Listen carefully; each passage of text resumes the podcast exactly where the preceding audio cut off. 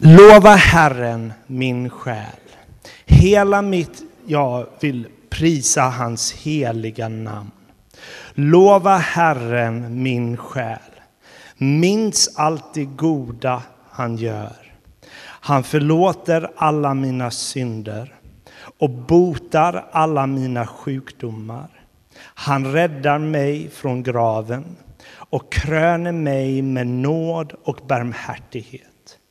Han fyller mitt liv med allt gott och jag blir ung på nytt som en örn.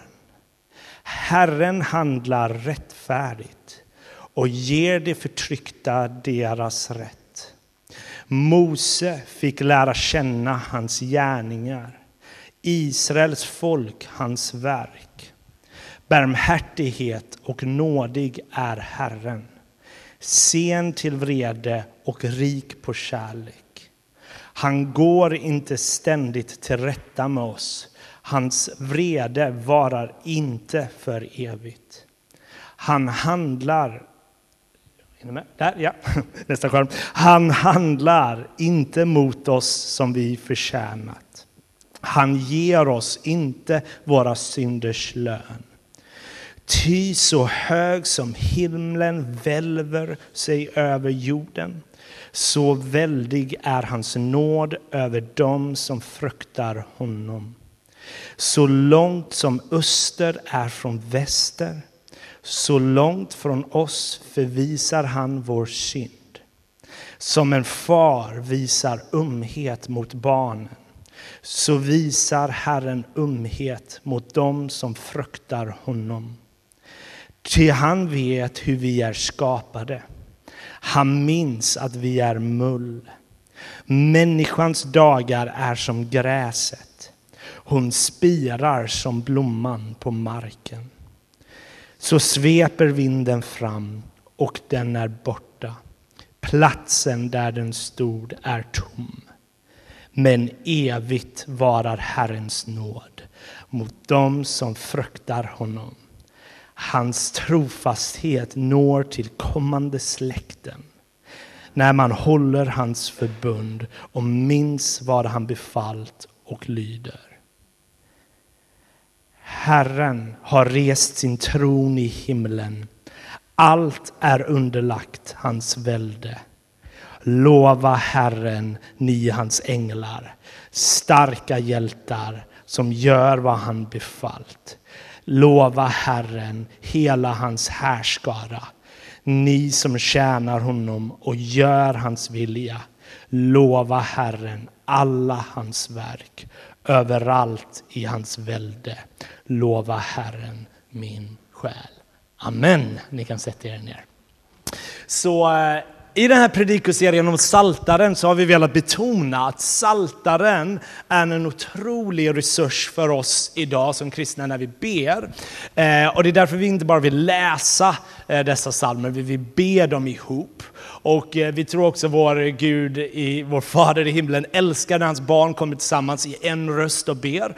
Vi älskar att vi kan be fria böner hur som helst, kasta alla våra bekymmer. Men vi älskar också att Gud har gett oss ord där vi kan komma och be tillsammans som en röst. Och det är därför vi gjorde det här momentet precis. Eh, men vi ber en liten bön innan jag börjar med min predikan. Herre, vi ber att din heliga Ande ska denna stund få öppna våra hjärtan, Herre. Och vi ska få ta del av de goda välsignelserna som den här salmen har precis talat om, Herre. Vi vill tala in dessa sanning in i våra liv, Herre, så de sjunker in i vårt inre, i vår inre människa, Herre. Och det sker genom att din heliga Ande kommer över oss. Så vi ber, Herre, låt det ske denna stund. I Jesu namn. Amen. Amen. Jag läste häromdagen här i veckan om våra minnen. Vad som försiggår i våra huvuden när vi försöker minnas saker. Eh, och våra minnen är egentligen otroliga. Det är nästan så att det nästan inte finns någon begränsning av vad våra faktiskt minnen i våra huvuden faktiskt egentligen kan lagra. Och det kanske känns konstigt, för det, det kanske, vissa av oss tycker kanske det är svårt att minnas saker. Men oftast är det inte på grund av att våra minnen inte har lagrat det. Det är andra skäl till att vi inte riktigt får tillgång till det. Men våra hjärnor eh, har förmågan att lagra upp till 2,5 petabytes, som är 2 500 000 gigabytes. Som är väldigt, väldigt mycket. Det är väldigt mycket tv. 300 års tv, tydligen. Så våra minnen är en otrolig gåva som Gud har givit oss. Men ibland är det lite lustigt vad vi minns. Vad, vad vi får tillgång i i vårt huvud. Så vissa grejer minns jag väl. Jag minns teologers namn, böcker, sådana nördiga saker, eh, filmer, orimligt många skådespelare, sån, sån kunskap man behöver i livet. Eh, och sen är det många grejer som jag är jättedålig på att placera, typ vilket år något hände. Eh, vissa människor vet, ja ah, men 2003 hände det, 2017. Jag känner bara, mm, det känns som alla mina minnen är när jag var 11 år och förmodligen var det inte så, de är utspridda någonstans där. Så det är intressant hur vi kan minnas olika saker. Och sen är det intressant hur vissa saker vi kan höra fastnar i oss och vissa saker gör det inte. Man kan höra folk uppmuntra oss hundratals gånger och det kan vara svårt att låta det sjunka in. Låta det faktiskt fastna. Men en person kan säga någonting jobbigt, någonting som, som är illa och det kan ge men för resten av livet. Vi minns lite olika saker. Salmen vi har bett tillsammans här talar en del om att vad man ska minnas och vad Gud inte längre minns. Det här är en glädjefylld psalm. Det här är en glädjefylld psalm som prisar Gud för att han är god på riktigt. Och David som skrev den vet att vi människor hamnar ofta i tvivel där vi ifrågasätter denna sanningen. Så den här salmen är en botemedel mot detta. Allt detta är tänkt att få oss att minnas, be över oss själva, att Gud är god och oändligt många välsignelser som han ger är våra. Och den här salmen vill hjälpa oss minnas det. Och minnas i Bibeln är långt mer bara mentalt komma ihåg. Vi kommer gå in lite mer på det strax. Men det är låta saker inte bara försvinna, eller inte ta, det är snarare låta saker ta rot. Vers 2 säger han, minns allt det goda han gör. I Bibeln hör man faktiskt rätt ofta att Gud uppmanar dem att minnas vad han har gjort. Och i Bibelns berättelse så är det en lång berättelse av väldigt, väldigt många människor som inte minns vad Gud har gjort. Ja, jag vet själv hur många gånger jag upplevt bönesvar där jag bett och det har blivit genombrott och jag jublar här i bönesvar. Och sen tar det typ en vecka tills jag typ glömmer det där. Så jag är fast i oro och sånt som jag var i tidigare. Jag tror det är kanske inte bara jag som är snabb till att glömma och minnas vad Gud har gjort och vem Gud är. Och då tror jag oro väldigt lätt tar rot i våra liv. Ta till exempel Domarboken i Bibeln. Det är en väldigt, väldigt mörk bok, men fascinerande bok. Där Gud på ett sätt uppmanar dem, Israel, Guds folk, att minnas honom. Han har precis räddat dem från Egypten på ett mirakulöst sätt. De har fått se mirakel efter mirakel. Och så får de äntligen komma in i landet som Gud har lovat. Och det går väldigt snabbt tills eh, Israel glömmer av vad Gud har gjort. Och de börjar lita på andra gudar, börjar förtrösta på sin egen förmåga. Och det går väldigt snabbt tills det blir väldigt mörkt och väldigt kaos. Människan glömmer Gud. Och det är nog därför Bibeln verkar, eller Gud, både i Gamla och i Nya Testamentet väljer olika metoder för att få oss att minnas honom. Så i Gamla Testamentet så anordnar han fester, festivaler kan man kalla det, årligen, påskfester och liknande saker, just för att fira och minnas vem Gud är.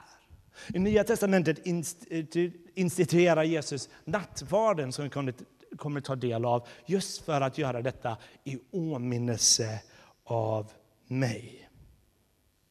För om Jesus är vår frid, om han är vårt dagliga hopp i vår vardag när vi möter oro och rädslor, rädslor i livet, då behöver vi minnas honom, komma till honom och tro på honom.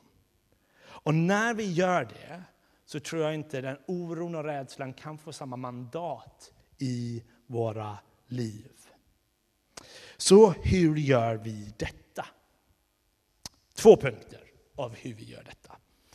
Första punkten, som egentligen vad hela salmen gör, det är en typ av bön som adresserar inte bara Gud, men din egen själ. Det kanske låter konstigt. Men i Saltaren så lär vi oss hur vi kan be. Och denna salmen vi bad ber på ett annorlunda sätt som jag tror inte vi är riktigt vana med. För all prisande och lovsång är alltid till Gud. Men i alla böner adresseras inte bara Gud, märkligt nog. I bönen vi läste adresseras vem?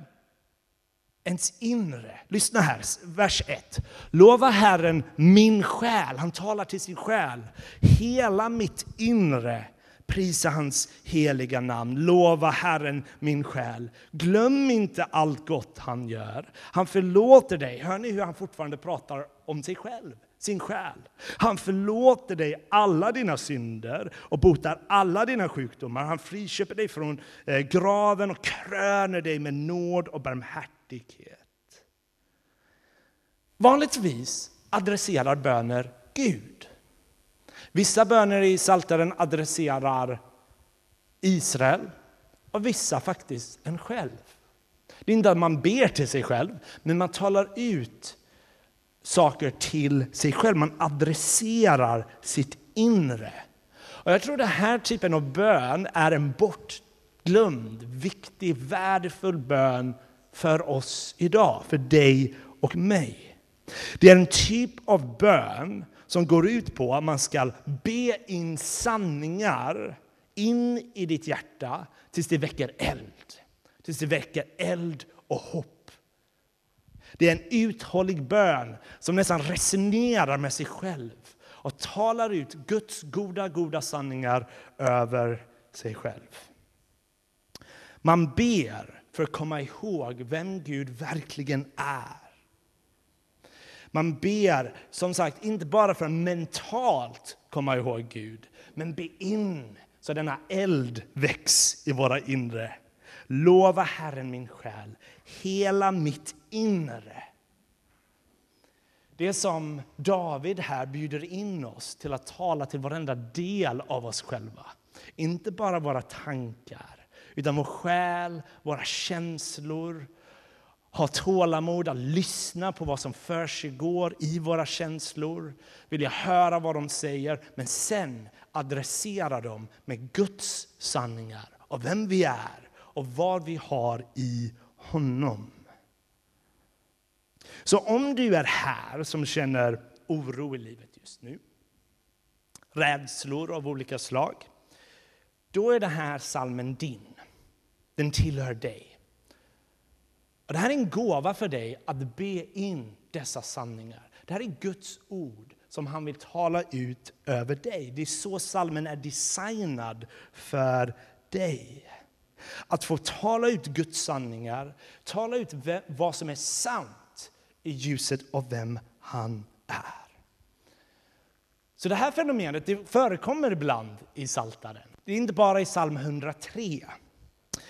Ta till exempel psalm 42, vers 6. Där det står så här.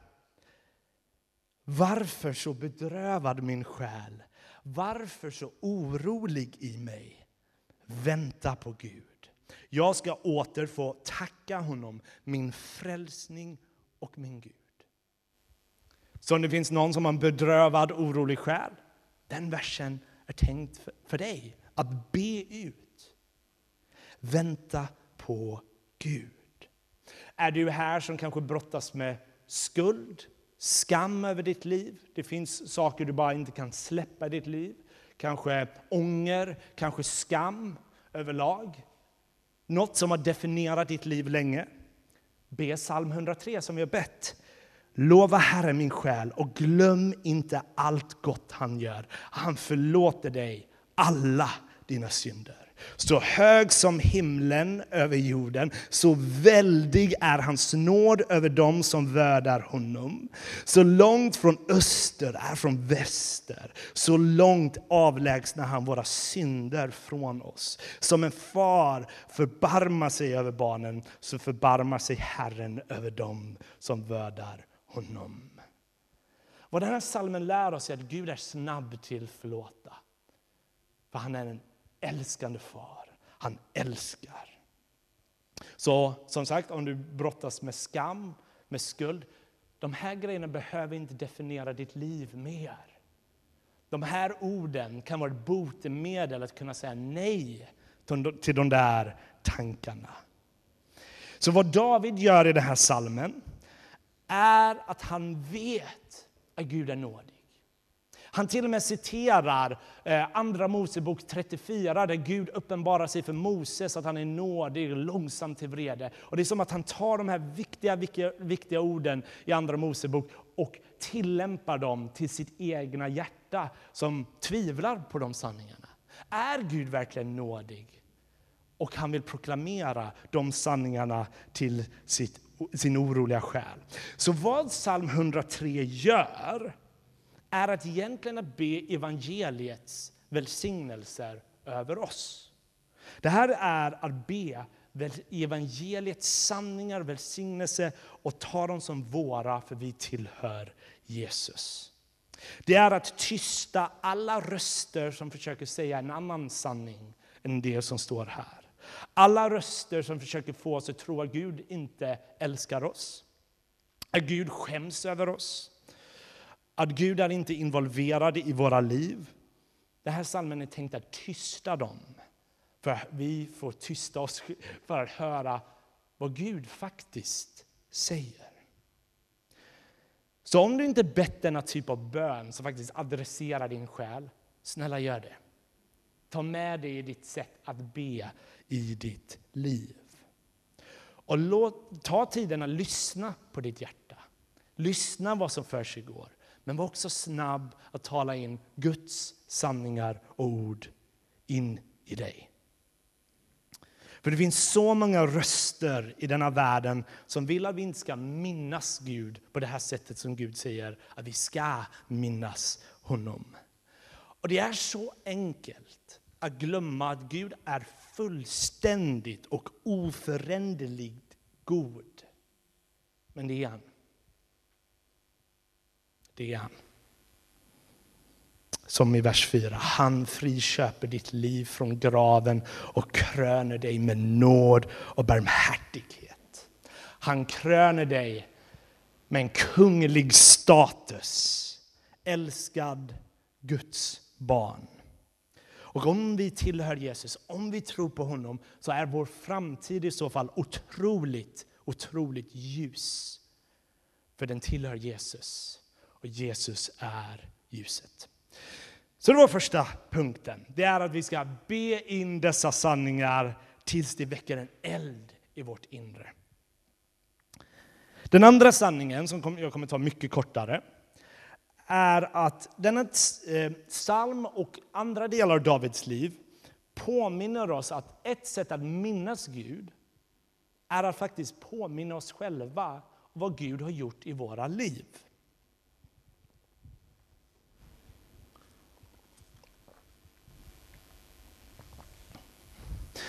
För salmen lyfter upp vad Gud har gjort tidigare. Han pratar om Moses, han pratar om andra händelser i Israels historia. Han kommer ihåg vad Gud har gjort tidigare. Och David i hans eget liv märker man att just det där var en nyckel.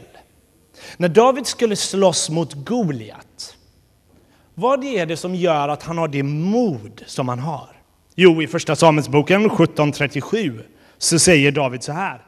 Herren som räddade mig från lejon och björn, han ska också rädda mig från den där filisten. Alltså David minns Guds beskydd, hans välsignelse över hans liv tidigare. Och det ger David en mod att, att han kan stå orädd inför Goliat. För Gud har varit med honom. Han förtröstar på Gud istället på något vapen som är det Goliat gör. Och det gör att David är trygg. För han har en historia med Gud som han minns. Men senare i Davids liv så märker man att David faktiskt glömmer detta. Senare när han är förföljd av kung Saul så finns en händelse där David kommer till en by. Faktiskt byn som Goliat var uppvuxen i. Liksom just där hamnar han. Och där träffar han kungen som bor på det stället. Och det beskrivs, enda gången i Bibeln som det beskrivs att David är rädd, är där. Och det beskrivs hur David försöker knycka Goliats svärd. Goliats svärd har de bevarat. Och det är som att han försöker förtrösta på Goliats svärd istället för Herren. Och han beskrivs som rädd. Och det tror jag är för att han glömmer vad Gud har gjort i hans liv. Han har gjort som, precis som jag berättade i början, jag glömmer alla dessa bönesvar jag varit med om i mitt liv. Eh, så när jag kommer in i en annan orolig period så har jag glömt hur Gud har agerat i mitt liv. Och då väcks all oro. Och det är som att David gör exakt samma sak här. Och botemedlet mot den typ av oron, tror jag, är att aktivt minnas vad Gud har gjort i våra liv. För när vi möter stormar i våra liv och vi fattar inte riktigt hur vi kommer komma ur det här och vi möter ofrid och rädslor, då är det bra att minnas vad Gud har gjort. Om du har händelser i ditt liv där du känner Gud grep in, Gud agerade. Skriv ner dem. Bevara dem. Inte bara på papper, men i ditt hjärta. Låt det vara dyrbara minnen som du har med dig in i oroliga tider. Där du kan peka, Gud bryr sig om mitt liv. Han är involverad. Jag vet inte riktigt hur jag kommer komma ur den här stormen, men Gud är med mig. Han har varit det tidigare, han kommer aldrig överge mig. Så när du är med om detta framöver i ditt liv, skriv ner dem, bevara dem. Tacka Gud återkommande för dem. Ha med dig på din bönelista av att tacka Gud för vad han har gjort tidigare. Och det tror jag är ett botemedel mot den här typen av oro och storm. Och det är ett bevis att Gud faktiskt är djupt involverad i våra liv, i vår vardag. Så låt mig börja avrunda lite. I Bibeln är det makalöst vilket tålamod Gud har. Ehm, jag drabbas alltid av min mamma. Min mamma berättar alltid om att hon, hon tyckte alltid så synd om Gud i Gamla Testamentet. För han, han räddade dem om och om och om igen, israeliterna. Men om och om igen så vände de ryggen mot honom trots hans räddning. Så hon hade ont i hjärtat för Gud ända sedan hon var ett litet barn. Och, och det finns något väldigt fint med det där. Att om och om igen så räddar Gud sitt folk när de har vänt sin rygg från honom och de tackar honom och nästa sekund vänder de sin rygg igen. De glömmer Gud. Och vad hade varit rättvist från Guds håll eh, när folk glömmer honom? Vad hade varit rättvist av Gud? Om vi glömmer Gud som är enda källan till liv, han som är vårt hopp. Vad vore en lämplig liksom, eh, respons? Jo, att han glömmer oss. Det finns någonting eh, rättvist i första anblick med det där. Um, speciellt när han har haft tålamod och visat sin nåd om och om igen. Det vore rättvist. Men det är inte så Bibelns Gud agerar. I Bibeln ser vi en Gud som snarare konsekvent minns. Och vi ser det i personen Jesus. När människor överger honom, när hans lärjungar, hans bästa vänner överger honom och glömmer allt han har sagt. För han har sagt flera gånger, jag ska dö och sen ska jag uppstå, var inte rädda. Men när de glömmer det och flyr, vad är det han gör? Vad är det han gör? Jo, han hänger kvar på ett kors. Ett blodigt, blodigt kors. Där han vilken sekund som helst kan kalla alla änglar från himlen för att ta ner honom och stoppa romarriket. Men vad är det han gör? Varför hänger han kvar på det där blodiga korset? Varför? Jo, i Hebreerbrevet 12 står det så här. För att nå den glädje som låg framför honom, alltså Jesus. För att nå den glädje som låg framför honom uthärdade han korset utan att bry sig om skammen. Vad är det den texten säger? Jo, han hänger på korset. Jo, för han visste att glädje låg framför honom. Och vad är det här för typ av glädje? Jo, för han minns vilka han skulle dö för. Han minns att han var där för att hänga på ett blodigt kors för hans vänner som har glömt och övergivit honom. För hans fiender som spottar honom på korset. För dig och mig, oavsett hur många gånger vi har glömt honom, så hänger han på korset, övergiven, blodig, för att han såg en glädje som innebär att vi skulle bli hans. Att vi skulle tillhöra honom. Det är den guden vi tillber, som psalm 103 också tillber. Det är den guden som är trogen och minns oss. Som det står i psalm 10, eh, psalm 103, fast vers 10. Han behandlar oss inte efter våra synder och lönar oss inte efter våra missgärningar. Så hög som himlen är över jorden, så väldig är hans nåd över dem som vördar honom. Och det är goda nyheter för oss. Att vad än vi har i våra liv, våra brustna hjärtan, vad, hur lojala vi har varit till Gud tidigare i våra liv, hur mycket vi glömmer och inte bryr sig om, så finns en Gud som älskar oss, som står med öppna armar för oss som har dött för oss. För att vår synd, vår trasighet, vår mörker, vår skam ska aldrig behöva mer definiera vilka vi är. Utan det som kan definiera vilka vi är, är Guds goda välsignelser över oss.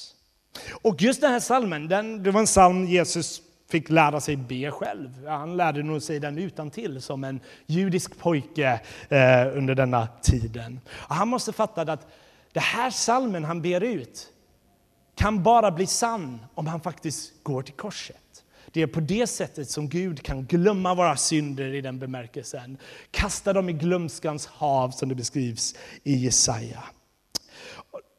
Och därför är det inte konstigt att Jesus bjuder in oss till att minnas honom. Och alldeles strax ska vi faktiskt göra det. Inte bara med våra tankar, men eh, med våra kroppar. Där vi ska få gå till nattvardsbordet och minnas honom bland annat.